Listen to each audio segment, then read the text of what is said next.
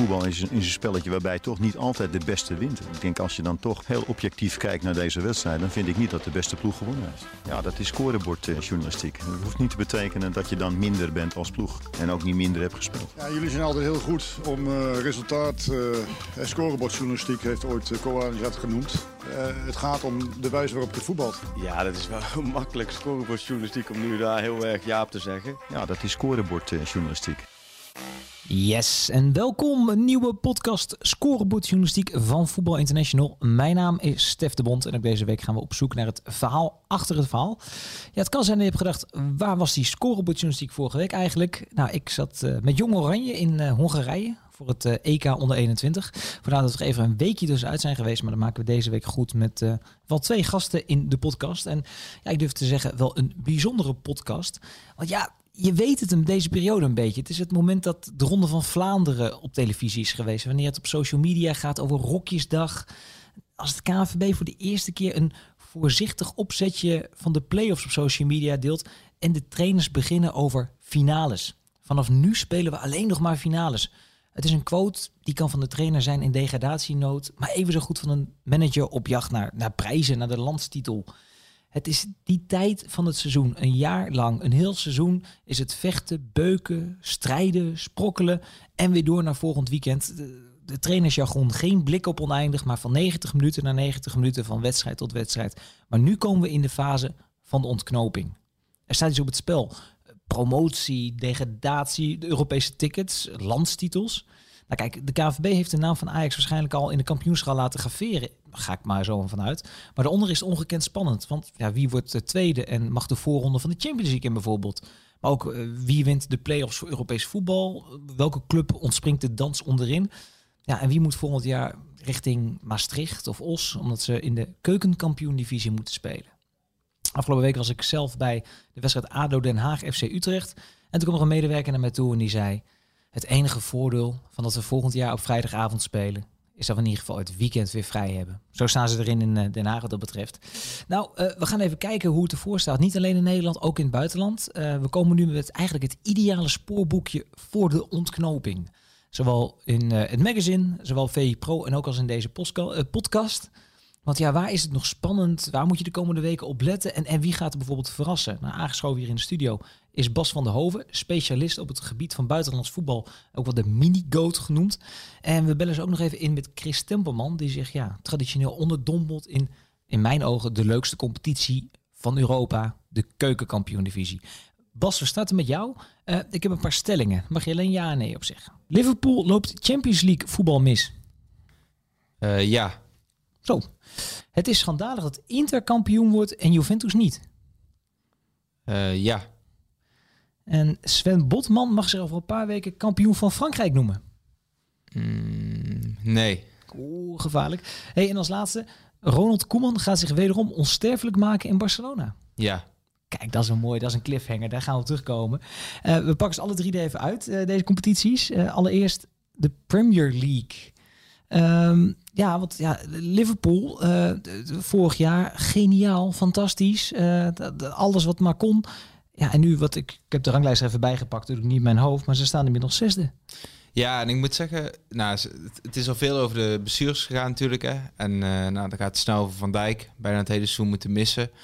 En natuurlijk doet dat ze pijn. Henderson, uh, vaak geblesseerd geweest. Dus zo zijn er wel allerlei redenen te verzinnen. Maar ik denk ook wel dat, ze na hebben gelaten te vernieuwen. Uh, die speelwijze, hè, die is eigenlijk al een paar jaar hetzelfde. Uh, de basiself kon je ook uittekenen. Dan hebben ze uh, in aanloop naar dit seizoen wel twee versterkingen gedaan met Jota en met uh, Thiago. Nou, Thiago heeft heel veel aanpassingsproblemen gehad. Had ik eigenlijk ook niet verwacht. Jota zorgt wel ja, voor een beetje opschudding voorin in de zin van Firmino, Salah en Mane zijn iets minder zeker van hun plek.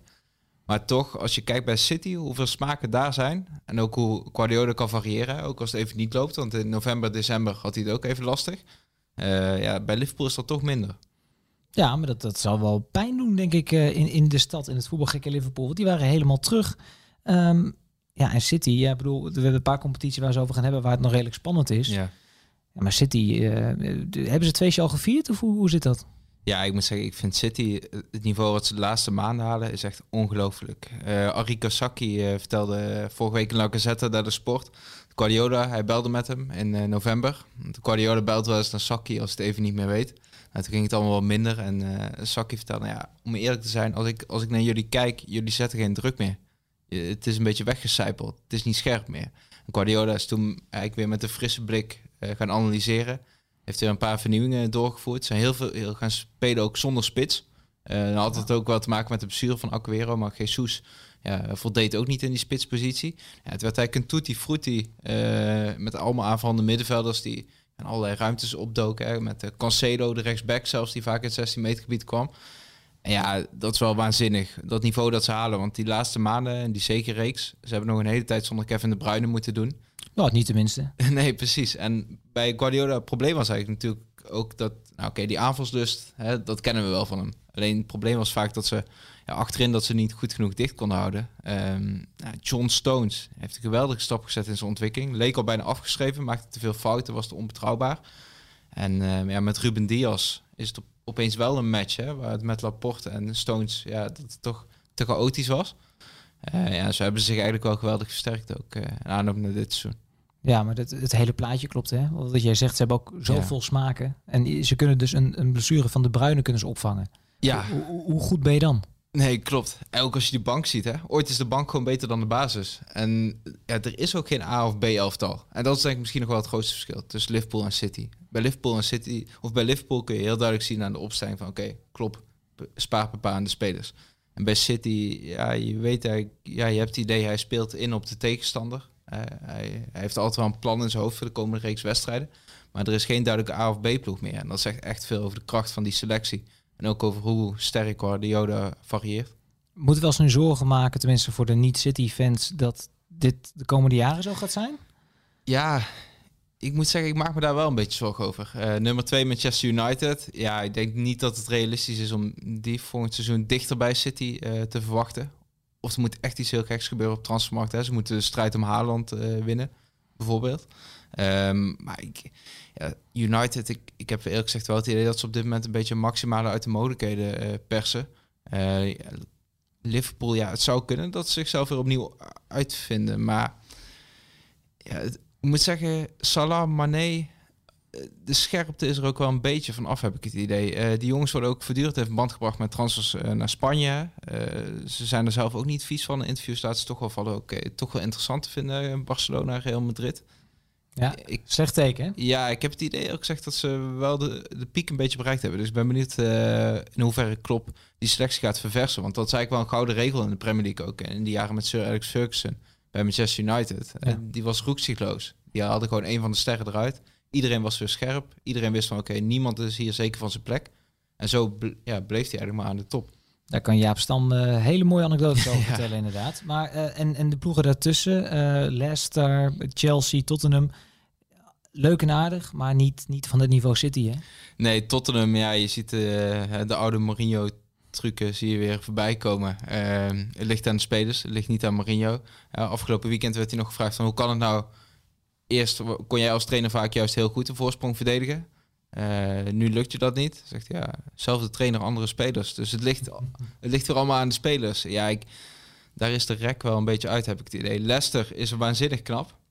Nou, ik moet zeggen, als neutrale liefhebber hoop ik ook eigenlijk dat ze Champions League voetbal halen, want het zou een verdiende beloning zijn. Leicester is wel ja, een club. Ik denk dat veel ja, clubs een voorbeeld kunnen nemen aan Leicester als het gaat om uh, transferbeleid. En verliezen bepaalde spelers. En aanloop naar dit seizoen ook weer Chilwell. Uh, een jaar eerder uh, Maguire. Na, na het kampioenschap, hè, die ploeg werd ook aardig uitgekleed. En dus blijven gewoon knap in het linkerrijtje meedraaien. dus ja, Leicester verdient er bijna ook wel een beloning. Nou, Chelsea hebben we Tuchel natuurlijk ja. Afgelopen weekend een flinke dreunen tegen Westbrom. Ja, dat, en niet zo klein beetje ook. Hè? Dat, is, dat, dat loopt ook nog totaal niet. En dan, dan kijken we natuurlijk ook wat een beetje met een Hakim Ziyech bril. Dat ja. is wel heel pijnlijk.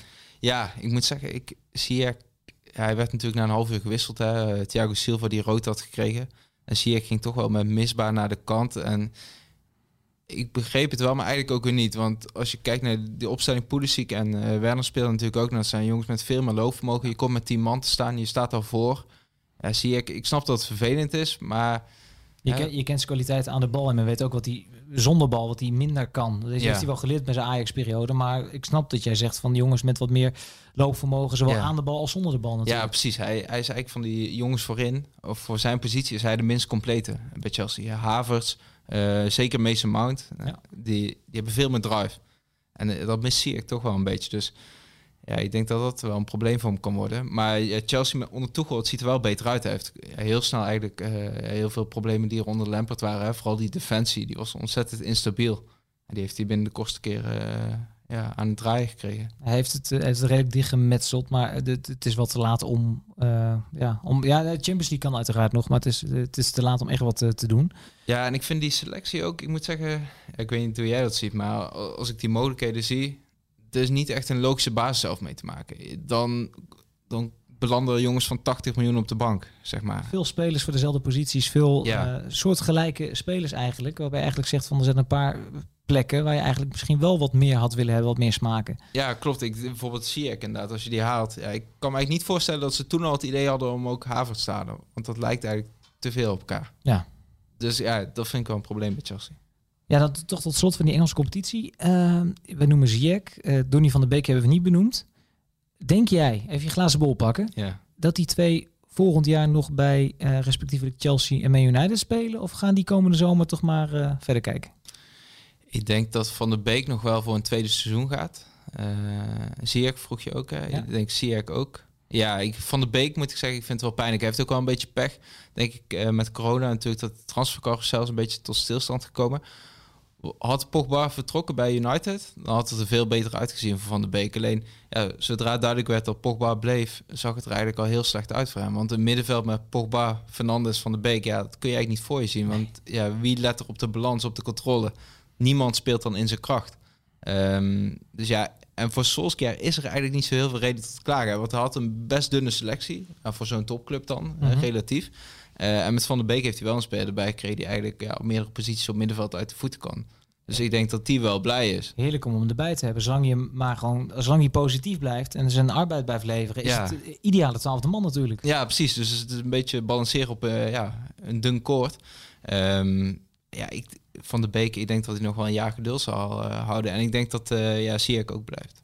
We gaan het, we gaan het zien. Ehm, ja, ploegen vallen tegen. Liverpool valt dus heel erg tegen. Eh, in Italië, ehm, eigenlijk ben ik inmiddels gewend, gezien de, de budgetten en de spelers. Ja, één ding weet je zeker, eh, landskampioen Juventus, punt. Ja, Eh, gaat niet gebeuren. nee. nee, ik moet zeggen, ik heb het idee bij Ju- Juve ze raakt een beetje verveeld. Ehm, inderdaad, een hegemonie, onvoorstelbaar. Hè? Je, je kon het van tevoren al invullen wie de kampioen zou worden. Maar op een gegeven moment wilden ze ook meer, de clubleiding. De clubleiding wilde vermaken, wilde entertainen, wilde de nummer 1 van Europa worden. Dat, daar zat, dat zat achter de aanstelling voor Sarri. Sarri stond bekend hè, als, als de architect van het mooie voetbal in Italië. Alleen ja, Sarri is veel meer, minder een pure winnaar. En dat zit toch ook wel in het DNA van Juve. Hè? Dus ze zitten eigenlijk een beetje ja, gevangen tussen een soort tweespalt. Met, eh, aan de ene kant was Allegri, de zakelijke Ja. winnaar. Inderdaad, nou, eh, het, het mocht wel eens wat mooier. Nou ja, Sarri sloeg dan weer een beetje door naar de andere kant. En Pirlo, ja, ik moet zeggen, ehm, als er een kans was voor Inter om die hegemonie te doorbreken, dan was het wel dit seizoen. Hè, omdat bij Juve is natuurlijk veel gebeurd. Een beginnende trainer daar. Alleen, ja, Juve had wel veel dichter eh, bij moeten staan. Hè. Ja, hoe, hoe knap is dit van Inter eigenlijk? Ja, ik moet zeggen, ik- nou, ik denk dat Conte het waanzinnig knap vindt van zichzelf. Heeft hij sowieso wel een handje van. ja, Conte klaagt eigenlijk voortdurend over eh, dat de selectie te dun is. Nou, terwijl dat behoorlijk onterecht is, want die selectie ja, is gigantisch breed en eh, zeker buiten Juve eh, de sterkste spelersgroep van Italië. Ehm, dus Inter is wel de aangewezen ploeg ja, om van het gerommel bij Juve te profiteren. Alleen Conte is wel een trainer met een heel duidelijk plan. Die kwam binnen bij Inter. Die ging met eh, de wingback spelen, zoals die eh, ook bij, eh, bij Chelsea succesvol was geweest. Ehm, die speelwijze is hij eigenlijk trouw gebleven. Ik moet zeggen dat ik dit seizoen ook wel knap vond. Eriksen was een beetje een rare zet van ze, dat ze die hadden. Want daar was geen logische plek voor in zijn systeem. Die leek afgeschreven. Nou, een jaar na zijn komst in Milaan vonden ze plotseling toch weer een rol voor hem. Vond ik ook wel een teken dat Conte, want hem wordt vaak verweten dat hij wat star is in zijn filosofie. Hè, dat hij toch open staat voor nieuwe ideeën ook. Eh, ja, de laatste, laatste maanden ja, ze zijn wel ontzettend eh, constant. En eh, Milan ja, dondert weer een beetje weg. Het is weer wat op de ouderwets. Ja, d- als ik me niet vergis, gaan de bovenste vier ploegen direct de Champions League in in Italië. Dat wordt nog wel spannend, want ik heb de ranglijst erbij gepakt. Nou, Inter staat op 68 punten. Dan volgt Milan met 60. Dan 58 voor het knappe, wederom, Atalanta Bergamo. Dat blijft knap. Eh, Ongekend. ze, ze staan er een bij 56 voor Juventus. En op plek 5 op dit moment ook 56 punten, Napoli. Dus het kan ook nog maar zo zijn dat als, als, als Napoli een goede eindsprint inzet, dat Juventus zelfs buiten de directe plaatsing voor de Champions League eindigt. Ja, Napoli heeft wel het materiaal om, eh, om Juve pijn te doen. En bij Juve, ik moet zeggen, eh, met oog op deze strijd is denk ik voor Juve wel eh, een soort eh, voordeel dat ze uitgeschakeld zijn in de Champions League. Ze hebben niks meer om zich achter te verschuilen. Alles moet op Serie A gezet worden. En het is wel een ploeg Juve. hè. Uiteindelijk dat zakelijke hebben ze nog wel in het DNA zitten. Hè. Vaak als het echt moet staat Ronaldo wel op. Nou, tegen Porto ging het natuurlijk wel even mis. Maar ik, ik denk bij Juve, ik denk wel dat ze nog de top 4 gaan halen. Ook omdat eh, bepaalde spelers zich wel positief tonen. Chiesa is bijvoorbeeld de laatste tijd heel sterk. Eh, de Licht. Ik, ik ben wel benieuwd wat ze komende zomer gaan doen. Want Ronaldo, dat is toch onrustig rond, hè, rond zijn toekomst. Dybala ook. Hè, voor wie kiezen ze? Dybala zou je toch meer toekomstgericht zijn. En ze hebben wel een jonge generatie staan met De Licht, met Chiesa. Ehm, dus ja, ik, ik hoop eigenlijk ook wel dat ze in de top 4 blijven en dat ze daarop gaan voorbeduren. Maar heel eerlijk, eh, Juventus, als ze verder willen, zullen ze toch eigenlijk afscheid moeten nemen van Ronaldo misschien wel. Ja, ik denk eerlijk gezegd eh, dat het eh, voor Juve helemaal niet slecht zou zijn. Oh, Want dan kies je wel echt duidelijk voor de toekomst. En dan heb je ook niet meer die superster om je achter te verschuilen. Om naar te kijken op die bepaalde momenten. En voor Ronaldo, laten we eerlijk zijn. Op deze leeftijd wordt die last ook wel steeds ja, zwaarder om te dragen. Hoe goed hij ook nog is, hè? Hoe goed Ja, daarom. En Ronaldo, het is toch... Je moet hem toch altijd een beetje ontzien in een systeem. Hè? En dat is ook het lastige bij Juve. Want enerzijds willen ze ook heel modern voetbal. Eh, nou, het liefst zou zoals Manchester City spelen. Met positiewisselingen, heel aanvallend. Maar goed, voor Ronaldo moet je toch altijd een beetje een uitzonderingspositie creëren. Hè? Die, kan niet mee in dat eh, druk zetten. Dat wil hij niet. Die wil zijn energie sparen voor die paar momenten in het 16 meter gebied. Ja, en dan zijn er ook genoeg trainers die zeggen van ja, daar is hij zo ontzettend goed. Dus dan ontlasten we hem Ja. inderdaad in zijn andere taken. Ehm, tot zover Italië misschien wel de leukste competitie op dit moment in, in Europa. En dat is best wel gek. Nou, zeggen, we gaan ze over Spanje hebben, is ook heel erg leuk. Frankrijk. Ja. Ehm, want ja, normaliter zeggen we daar ook van, nou, begin van het seizoen. eh, Ze schrijven Paris Saint-Germain op.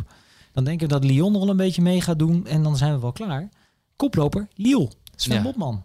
Ongekend. Zeker. Terwijl ik denk, nou, we hebben laatst natuurlijk dat twee luiken met Ajax ook eh, heel goed. Daar hebben Lille heel goed aan het werk gezien. Viel het een beetje tegen, laten Zeker. we eerlijk zijn. Ehm, en dan denk je van, oké, PSG gaat wel eh, doorpakken. Nu in de fase van de waarheid in de Ligue 1. En dan ja, wint Lille toch weer heel knap die topper. En eigenlijk omdat Lille, dat moet ik wel zeggen, zeker in eigen land, spelen wel heel goed in op hun eh, kwaliteiten. Want als je Bobman ook bij Lille ziet spelen, dan begrijp je ergens ook wel waarom die hè, bij Ajax niet zeg maar, echt naar voren is geschoven. Want het is een beetje on-Nederlandse verdediger, heel sterk in de eh, duels. Eh, bij Lille wordt voetballend wel minder van hem gevraagd. Ook als je in die eh, topper tegen PSG afgelopen weekend zag, heel veel lange ballen gespeeld. Ehm, staat er aan de zijde van José Fonte. Ja? Heel ervaren Portugees. Die met al de wereld heeft samengespeeld. Ruben Diaz bij de Portugese nationale ploeg. Ik denk dat het stiekem een hele goede mentor is qua coaching ook. Ja, Bobman is heel sterk in de duels. Ik vond tegen PSG toch ook wel weer eh, indrukwekkend eh, daarin. Ja, nou, precies wat jij zegt. Ik, ik was mee met eh, Jong Oranje en dan zie je ook dat ja, opbouwend moet je het niet aan Botman overlaten. Daar slaan ze hem ook over. Dan moeten de ballen naar Schuurs of naar de backs. Ja. Of in dit geval Haroui op middenveld. Maar je moet Botman dat niet laten doen. Maar één op één, ja, hadden de tegenstanders het wel echt moeilijk met, eh, met Sven Botman. Ja, heb, jij, heb jij het idee dat we daar in Nederland wel meer open voor staan inmiddels? Want met Van Dijk hebben we natuurlijk wel een beetje een soort gelijke fout gemaakt. Eh, ja, maar dan denk ik dat Botman in de duels nog veel sterker is dan Van Dijk. Want eh, Van Dijk is eigenlijk heel groot en imposant. Maar Ja. ik vind hem in de duels niet eens altijd zo heel erg goed. Dat is niet eens zijn kwaliteit misschien wel. Maar we hebben in Nederland die fout gemaakt om, om Van Dijk eigenlijk over te slaan. Om hem niet te willen zien. Eh, Ajax wilde hem destijds niet hebben. Toen ging hij naar Celtic. Heeft hij zich doorontwikkeld. Eh, ik denk dat Botman, die verhalen gaan natuurlijk al wat langer, dat hij deze zomer een mooie transfer kan gaan maken. Ik heb ook de indruk dat die verhalen echt kloppen.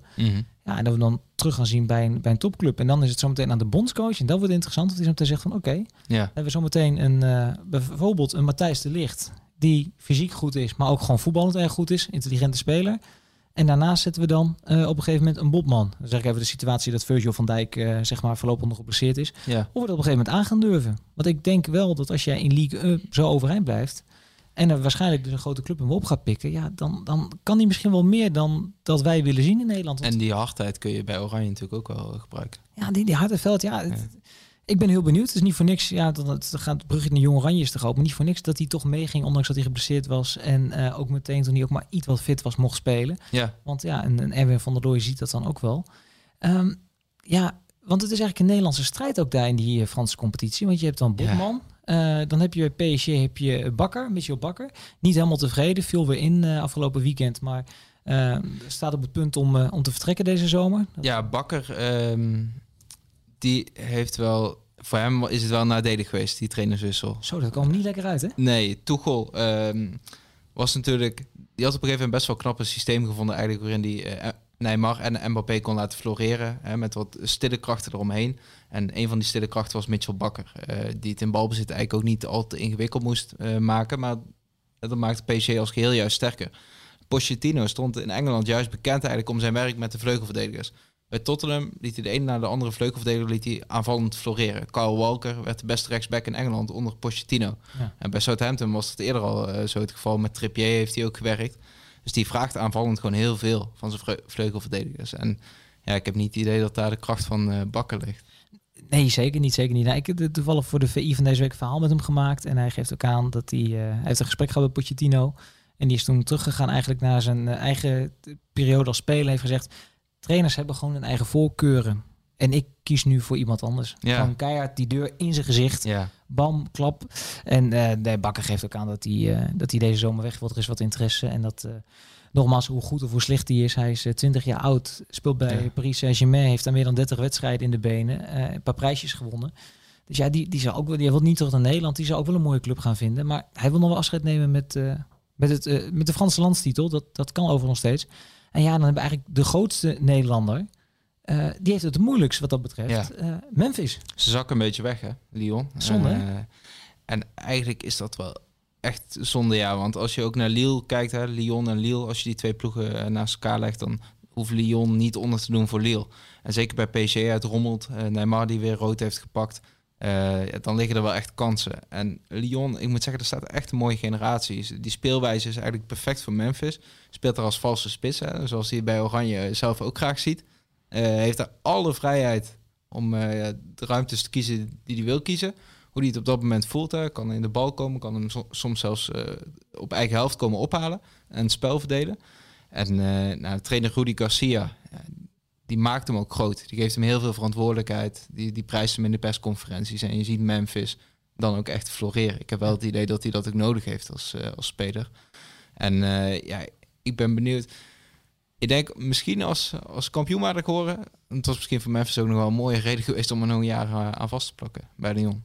Als het, als het een keer had gekund, dan was het dit seizoen geweest. Dan was het dit jaar geweest. Het verschil uh, is daar uh, vijf punten tussen de nummer 1 Lille en uh, de nummer 4 Lyon. Ja.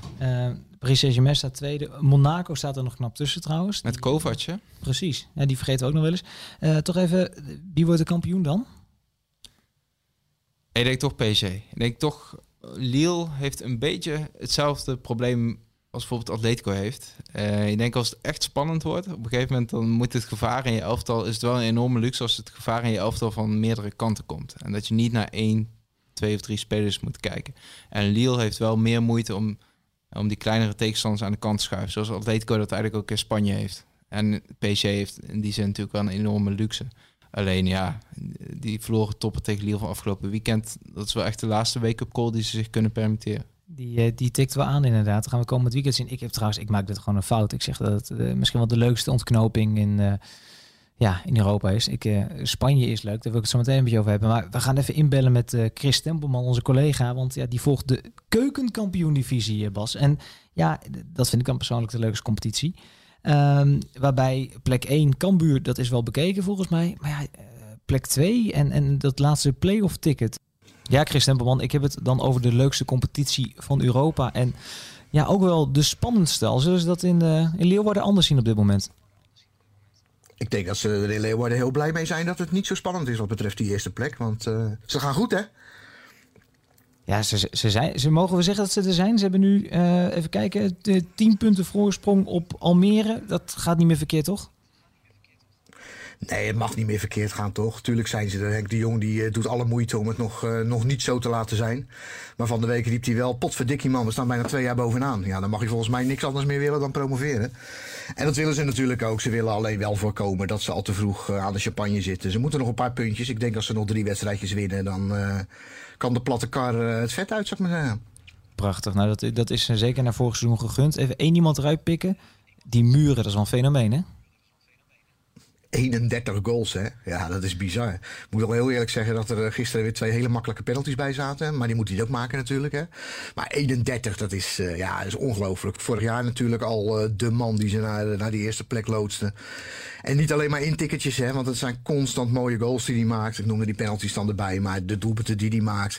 En vergeet ook zijn assist niet. Hij is gewoon een onwijs belangrijke speler in, uh, in de manier waarop Cambuur speelt. Als aanspelpunt, als afmaker. Het is een stille jongen, maar ik denk ook in de groep gewoon als leider, als ervaren kracht. Ja, zonder muren zou, zou Cambuur alle moeite hebben om bij de bovenste twee te komen, denk ik. Kan die mee naar de Eredivisie? Ja, vind ik een hele moeilijke. En dat heeft een beetje te maken met het feit dat ik hem bij Sparta en bij NAC gezien heb voordat hij bij Cambuur terecht kwam. Ik volgde die clubs toen, zoals bekend, onderin de Eredivisie. Als je onderin staat, dan ben ik in de buurt. Dus dat was met Muren ook het geval. En daar maakte hij het niet, moeten we heel eerlijk zijn. Ook door blessures. En hij, uh, ja, het was niet de Muren die we nu zien. Dus ik ben heel benieuwd of hij die stap aan kan. Voetbaltechnisch gezien denk ik ja. Qua leeftijd denk ik ook nog prima. Als je ziet hoe die, nog net wat ik schetste, hoe belangrijk die is voor de ploeg denk ik dat ze er absoluut een meerwaarde aan hebben. Ze moeten wel zorgen dat ze ook een goede tweede spits hebben. Want op het moment dat Muren nu geblesseerd is, is het gelijk improviseren in de voorhoede met een speler die 20 centimeter kleiner is. Dus ik denk dat ze daar wel heel goed naar moeten kijken. Maar ik zou het hem van harte gunnen dat hij het ook in de Eredivisie maakt. En daar moet ik dan wel gelijk bij zeggen dat het hem volgens mij zelf helemaal niet uitmaakt. Die jongen die is zo nuchter en die, die voetbalt gewoon lekker. Die wil lekker spelen, wil lekker goals maken. En of hij dat nou in de Eredivisie of in de Eerste Divisie doet, het zal hem volgens mij een worst zijn. Precies, precies. Nou, wat, wat huiswerk voor uh, Fouke Boy is dat volgens mij de technisch manager van Cambuur. Uh, maar die heeft er alle tijd voor. Uh, maar het spannende zit hem eigenlijk in plek 2. Want ja, vorig jaar geïntroduceerd, de nummers 1 en 2 promoveren. En vorig jaar door corona ging dat niet door. Maar ja, nu die strijd om plek 2, Chris. Ik, ik dacht een paar weken geleden van, dat wordt gewoon de graafschap. Ja, dat dacht ik ook. Ik heb de, eerste wedstrijd van de Graafschap dit jaar gezien. Die verloren ze toen vlak voor tijd bij Almere. Toen stonden ze acht punten achter op Almere. Toen na afloop ook chagrijnige gezichten natuurlijk. En uh, met spelers gepraat, met Mike Snoei gepraat. Ja, het is nog lang. Uh, zij gaan ook nog punten verspelen. En ze kwamen langzamerhand bij, want na die nederlaag volgde een serie van, van zeven overwinningen bij de Graafschap. Met één gelijk spel, die periode die ze pakten. Uh, maar daarnaast misgegaan. Dat had alles te maken met die wedstrijd bij NAC en het hele gedoe eromheen natuurlijk. Die verloren ze ja, wel redelijk terecht. Kwamen er gewoon niet aan te pas. Maar voor die wedstrijd zat er ook een gelijkspel tegen Jong AZ bij. En, ja, en vorige week wat ik toegezien heb tegen Dordrecht. Met alle respect voor Dordrecht. Die speelde misschien de beste eerste helft van het seizoen. Dat is nou ook niet zo heel knap, want die hebben nog niet zo vaak goed gespeeld. Maar dat was echt schandalig om te zien. 0-3 op eigen veld tegen Dordrecht. En ze hebben zich gisteren hersteld tegen Jong Utrecht. Maar dat herstel dat is dan alleen in punten, want ze wonnen met 1-0. Want het was, het was moeizaam. Ik heb het idee dat de stress in Doetinchem wel behoorlijk uh, heeft toegeslagen. Kunnen we dit toeschrijven aan de hele situatie Ralf Seuntjes?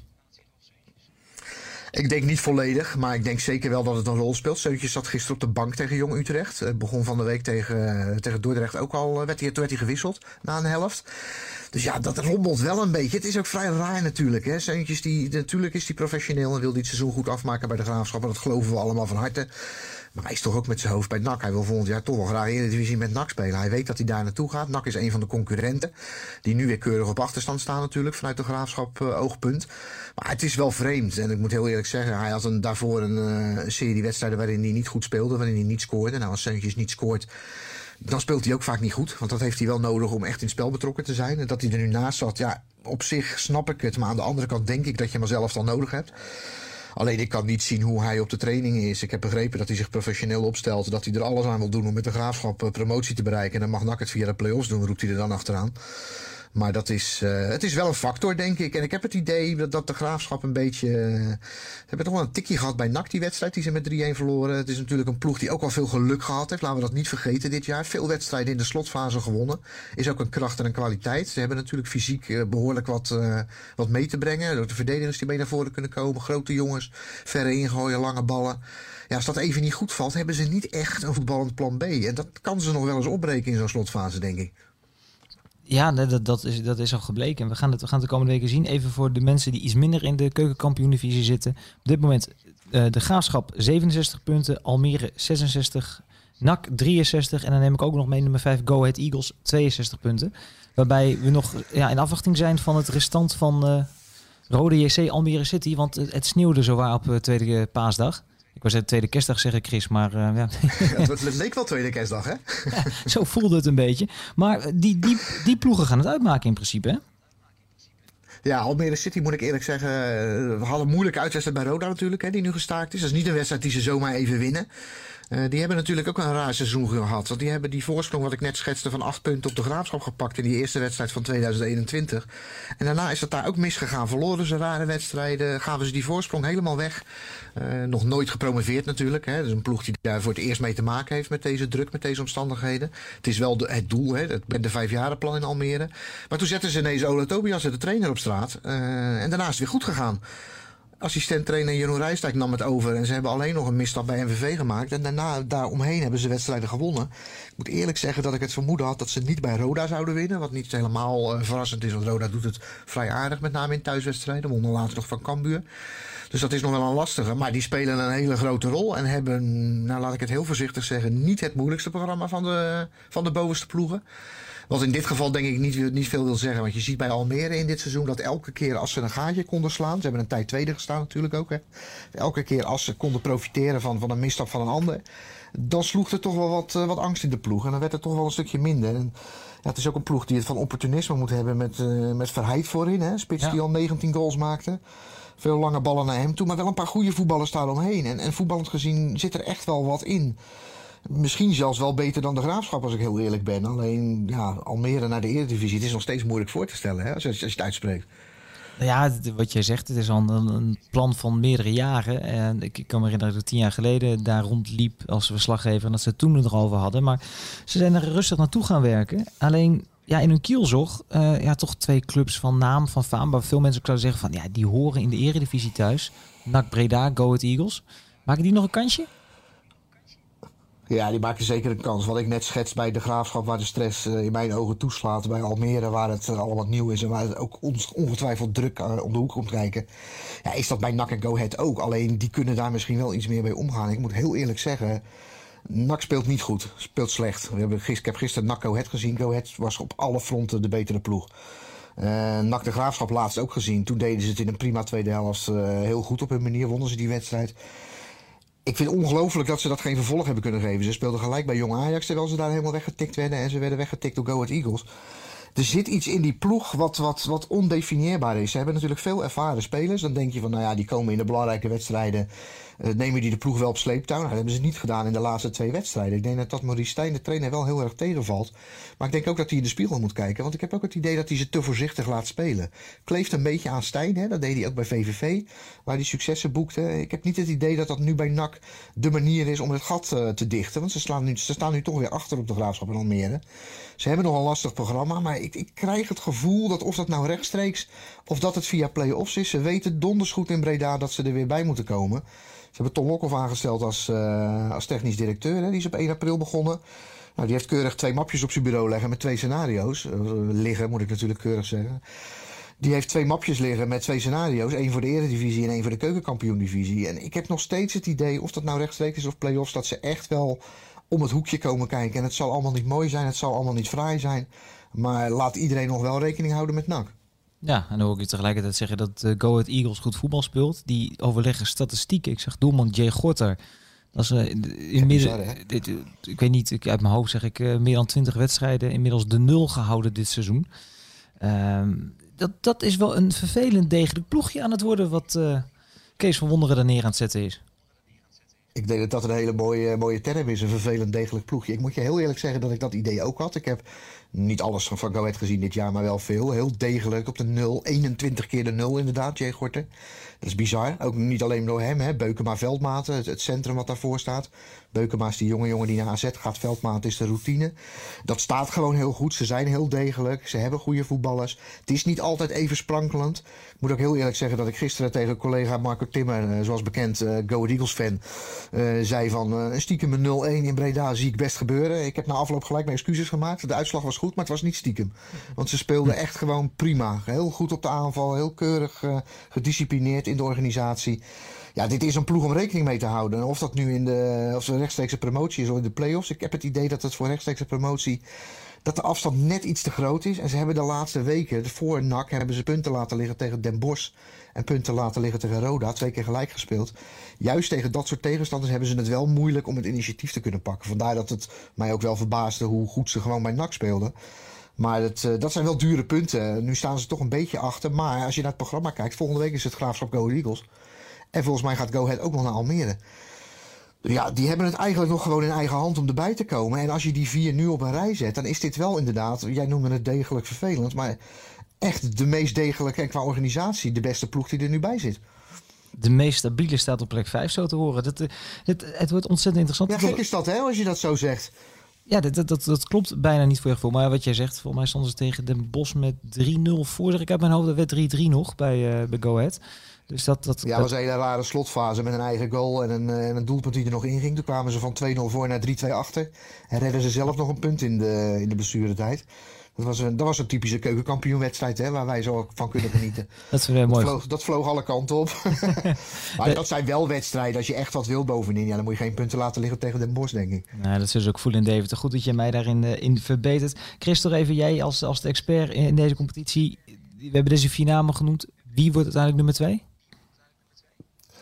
Ja, ik vreesde die vraag al, want ik vind, ik vind echt dat er geen pijl op te trekken is. Wat ik schetste, ik merk, ik merk spanning in Doetinchem, ik zie druk in Almere. Uh, NAC, ja, ik, gezien het voetbal kan het niet. Dan zou je eigenlijk go ahead moeten zeggen. Ik moet er wel heel eerlijk bij zeggen. Maar dat is natuurlijk geen factor dat je het de graafschap wel gunt. Maar dat heeft dan met vorig jaar te maken. Ik vind niet dat ze het dit jaar heel goed gedaan hebben. Bij Vlagen is het aardig, maar het is te veel uh, niet goed genoeg. Maar dat, dat Cambuur en de Graafschap van vorig jaar, dat zit bij mij nog wel erg diep van binnen hoor. Ik gun het die twee ploegen wel van harte dat ze het nu alsnog doen. Uh, dus wat dat betreft uh, mag de Graafschap van mij het voordeel van de twijfel krijgen. Maar ze moeten zich wel sterk gaan verbeteren.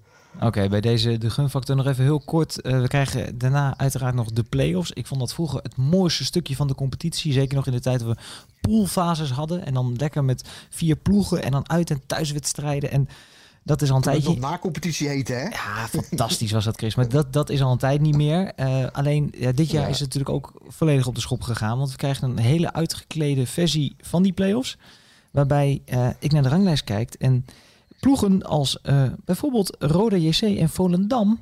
Ja, die, die moeten naar Helmond Sport gaan kijken de komende weken. Ja, en wel om een bepaalde reden. Ik denk niet eens door de ranglijst, want dat verschil is vrij groot. Hè? Periode, Laten we het even schetsen. Er doen, uh, er doen zes ploegen uit de keukenkampioen-divisie mee. In principe zijn dat de vier periodewinnaars en de twee beste op de ranking. Nou, die periodewinnaars, dat zijn Cambuur de Graafschap Almere, dus daar hoeven we verder niet naar te kijken. Maar op het moment dat de periodewinnaar uh, van de vierde periode, de winnaar van de vierde periode, niet in die top 8 staat, gaat de nummer 8 misgrijpen. En daarbij doel, daarbij doel jij volgens mij op Helmond Sport, want die Zeker. staan bovenaan in deze periode.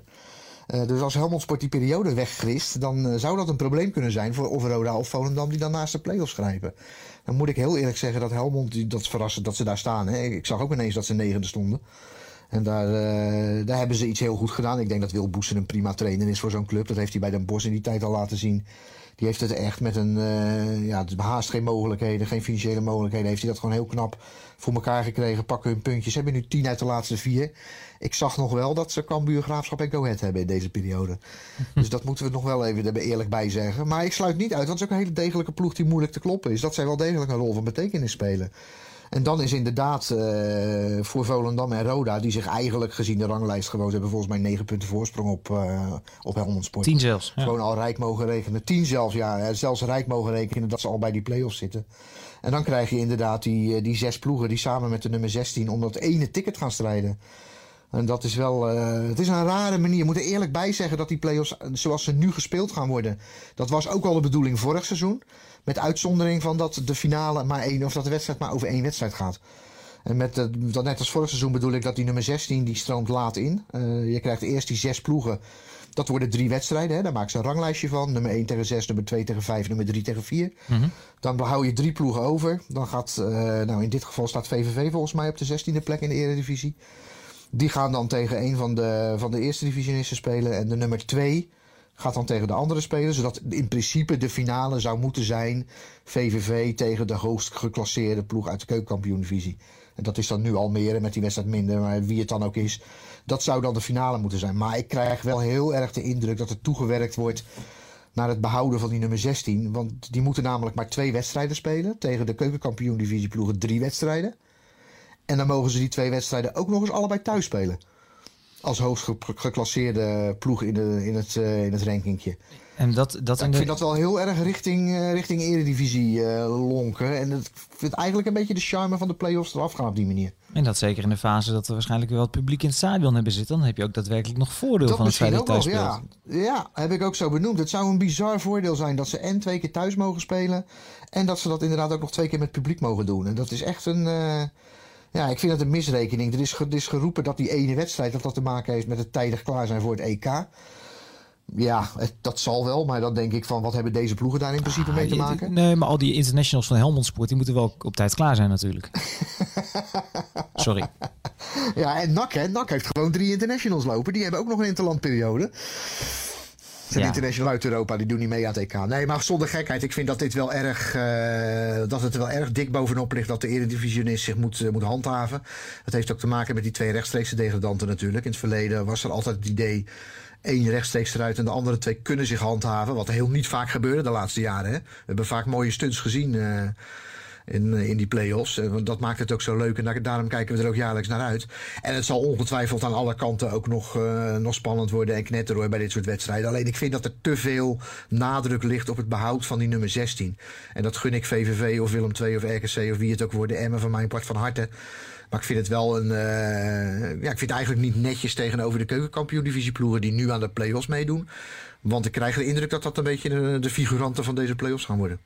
Ja, tenminste, dat is de suggestie. Aan de andere kant, we hebben nu die ploeg een beetje doorgelopen. Er zijn genoeg ploegen die uh, in ieder geval moeilijk uh, verslaanbaar zijn. Dus dan krijgen de eredivisie... De eredivisie ploeg wat op gaat, gaat het er ook moeilijk zat mee krijgen. Uh, absoluut. Ik denk dat het absoluut qua niveau elkaar helemaal niet veel ontloopt hoor. Ik noemde net die vier ploegen uit de Eredivisie. Die, die zie ik ook regelmatig spelen. Die zie jij ook regelmatig. Ik denk dat dat qua niveau elkaar niet zo heel veel ontloopt. En, en je krijgt altijd dat verhaal van die keukenkampioen-divisie ploegen. Die zitten in de winning moeten. Die kunnen echt wat winnen. En de Eredivisie-ploeg, ja, die zit toch een beetje in, het hoekje waar de klappen vallen. En die kunnen alleen maar wat verliezen. En dat geeft toch ook vaak een uh, rare wending aan dit soort potjes. Precies. Het, het, het, belooft in ieder geval een mooi slot te worden. Waarbij we dan weten dat Henk de Jong en zijn mannen rustig achterover gezakt voor de televisie kunnen zitten om te kijken wie er mee promoveert. Ja, zoals Henk dan zegt, mooi man. Mooi man, zo is het. Hey Chris, dankjewel. We gaan het, we gaan het uitgebreid volgen via alle kanalen van VI uiteraard, via het magazine. En uh, laten we ja, richting beslissing zeker even een keer terugkomen erop. Want uh, er gebeurt genoeg in de keukenkampioen-divisie. Het wordt spannend. Ja, en tot slot uh, Bas, deze week in VI of VI Pro ook een uitgebreid verhaal van jou over La Liga in mijn hoofd altijd de Primera Division. Omdat ik ja. het zo lekker vind, uh, vind klinken. Want uh, ja, ik dacht een paar weken geleden, nou, de, de titelstrijd in Spanje is gedaan. We weten het. Het is, uh, het is Atletico. Die gaan het gewoon doen. En nu kijk ik naar de ranglijst. Ik moet even erbij zeggen, het is nu maandagmiddag. Het is nou, maandagavond inmiddels 6 uur. Zometeen gaat Barcelona nog voetballen. Mm -hmm. Maar op basis van de huidige ranglijst, Atletico 66 punten. Real Madrid 63 en Barcelona 62. Maar die hebben dus vanavond nog een wedstrijd. Die kunnen op één puntje van Atletico komen. Wat gaat daar gebeuren, Bas? Ja, dan gaan ze zaterdagavond op bezoek bij Real Madrid om 9 uur. El Clasico. Nou daar moeten we wel voor gaan zitten hoor. Barcelona, ik moet zeggen, en net wat je zegt, ik dacht ook, dit wordt het van Atletico. Het zag er zo stabiel uit. En zeker ook omdat uh, Real Madrid en Barcelona waren allebei aan het ploeteren. Ja, ik had er eigenlijk geen twijfel over. Alleen Barcelona, het is wel ontzettend knap eigenlijk na zo'n onrustig half jaar. Want het was niet alleen onrustig rond het elftal, maar ook bestuurlijk. Zo. Um, op transfergebied er kon eigenlijk niets gedaan worden. Hè. Koeman was heel duidelijk eh, in zijn wensen waar de ploeg versterkt moest worden. Maar ja, Het ging niet, het gebeurde niet, punt. nee, precies. Dus hij, Wijnaldum, Memphis, allemaal niet gezien. hij moest met- Nee, precies. En die jongens zijn dan nog eh, bijna transfervrij. Hè? Dus kun je nagaan hoe weinig, weinig er mogelijk was eh, bij Barcelona. Eh, en dan is het toch ontzettend knap. Ik moet zeggen, laatst die uitwedstrijd tegen Real Sociedad, vlak voor de interlandbreek, zondagavond. Het was weer echt ouderwets genieten van Barcelona. Het was echt lang geleden dat Barcelona zo sprankelde als elftal. En we zijn denk ik bij Barcelona lang ook een beetje eh, voor de gek gehouden door onze eigen verwachtingen. Het tijdperk met Guardiola als trainer, daarna Luis Enrique. Hij heeft eigenlijk ook een, ja, een soort onrealistisch beeld geschetst van... ja, iedere week moesten ze maar weer een ploeg eh, helemaal van het veld Het, eh, het, het, tikken. het was niet alleen wedstrijden winnen, maar het moest met 4-5-0. En dan Ja. moest ze altijd met tiki-taka, want anders was het te weinig. Precies. En nou, Valverde was eigenlijk een beetje een saaie, degelijke coach. Redelijk conservatief, ook eh, in, in het geven van kansen aan de jeugd. En Koeman, hè, het, is, het is ook misschien... Het heeft ook te maken met het gebrek aan transfers. dat jongens, jonge jongens de kans krijgen. Maar het is, hij traint wel in de Barcelona-geest. En je merkt ook dat daar ontzettend veel waardering voor is in Spanje. En dan maakt het niet eens zo heel veel uit. Want oké, Barcelona is ook zo'n club hè, waar 4-3-3 heilig is. Ja, hooguit mag je nog een keer 3-4-3 eh, spelen.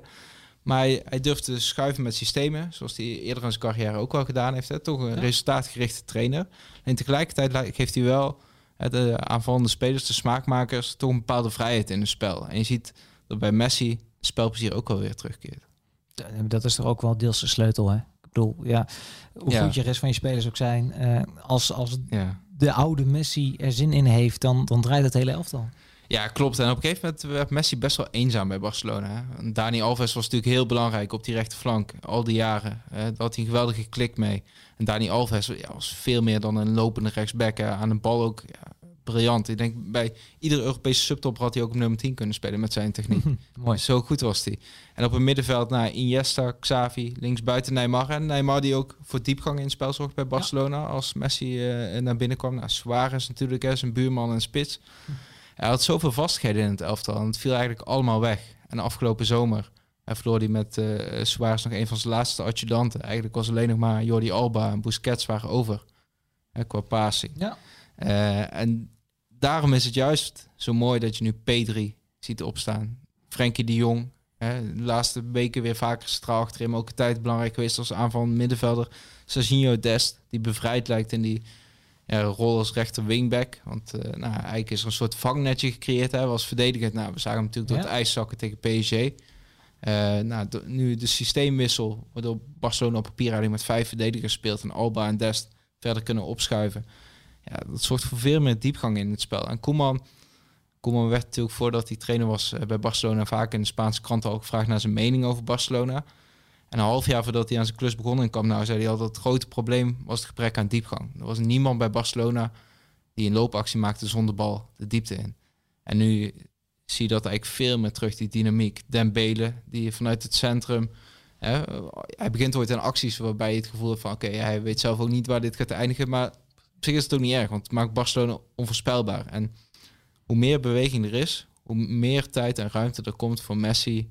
En dat, ja, op de plek waar hij beslissend wil zijn. Ja, prachtig. Ja, de, de, de puzzel valt in elkaar, zou je dan bijna eh, stellen. Dan toch even inderdaad de Nederlandse inbreng. Eh, is Frenkie de Jong voor de rest van zijn carrière een centrale verdediger? Ja, ik denk eerlijk gezegd dat Barcelona hem nog altijd gehaald heeft. Ook met als idee van oké, het is zo'n geweldig voetballer. We kunnen hem in die eerste seizoen ook al gebruiken. Maar hij is de uiteindelijke opvolger van Busquets. Eh, alleen ja, Busquets die carrière wordt nu ook wel verlengd. Hè, want die houdt zich ook gewoon prima staan in deze speelwijze.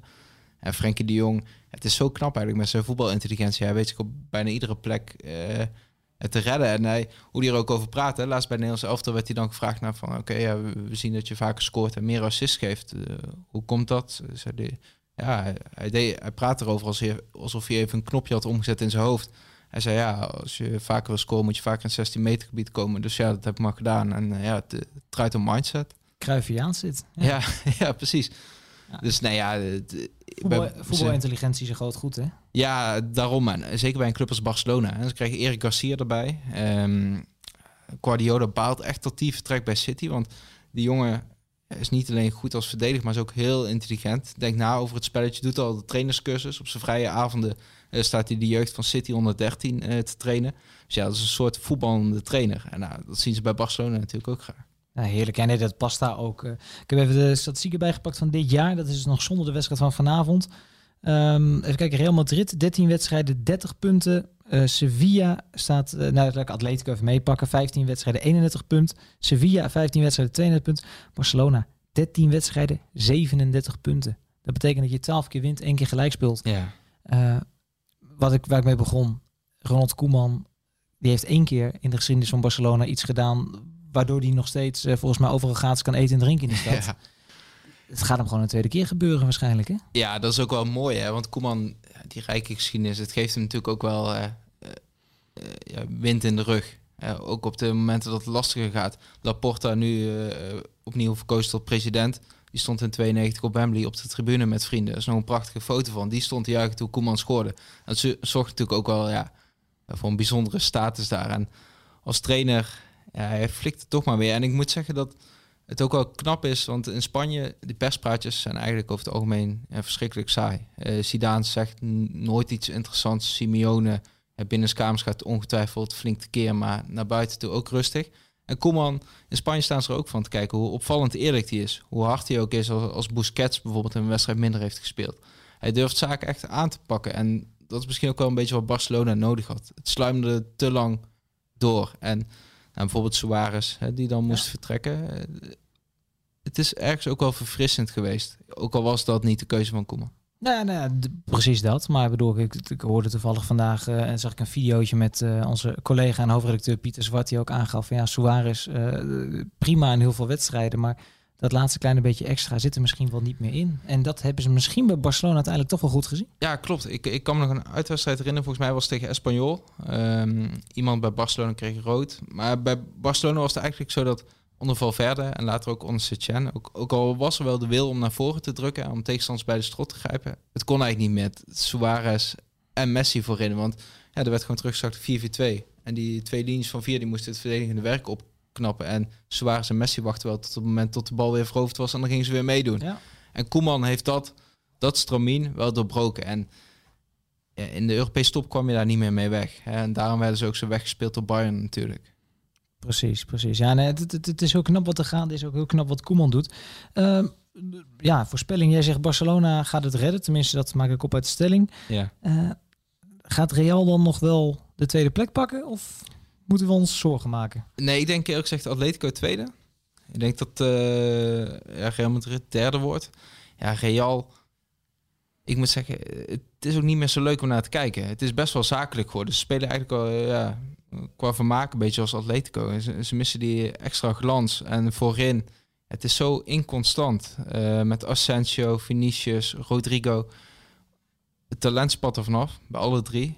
Maar het is eigenlijk wachten tot ze een volgende stap in die ontwikkeling zetten. En ze echt drie, vier weken achter elkaar belangrijk kunnen zijn.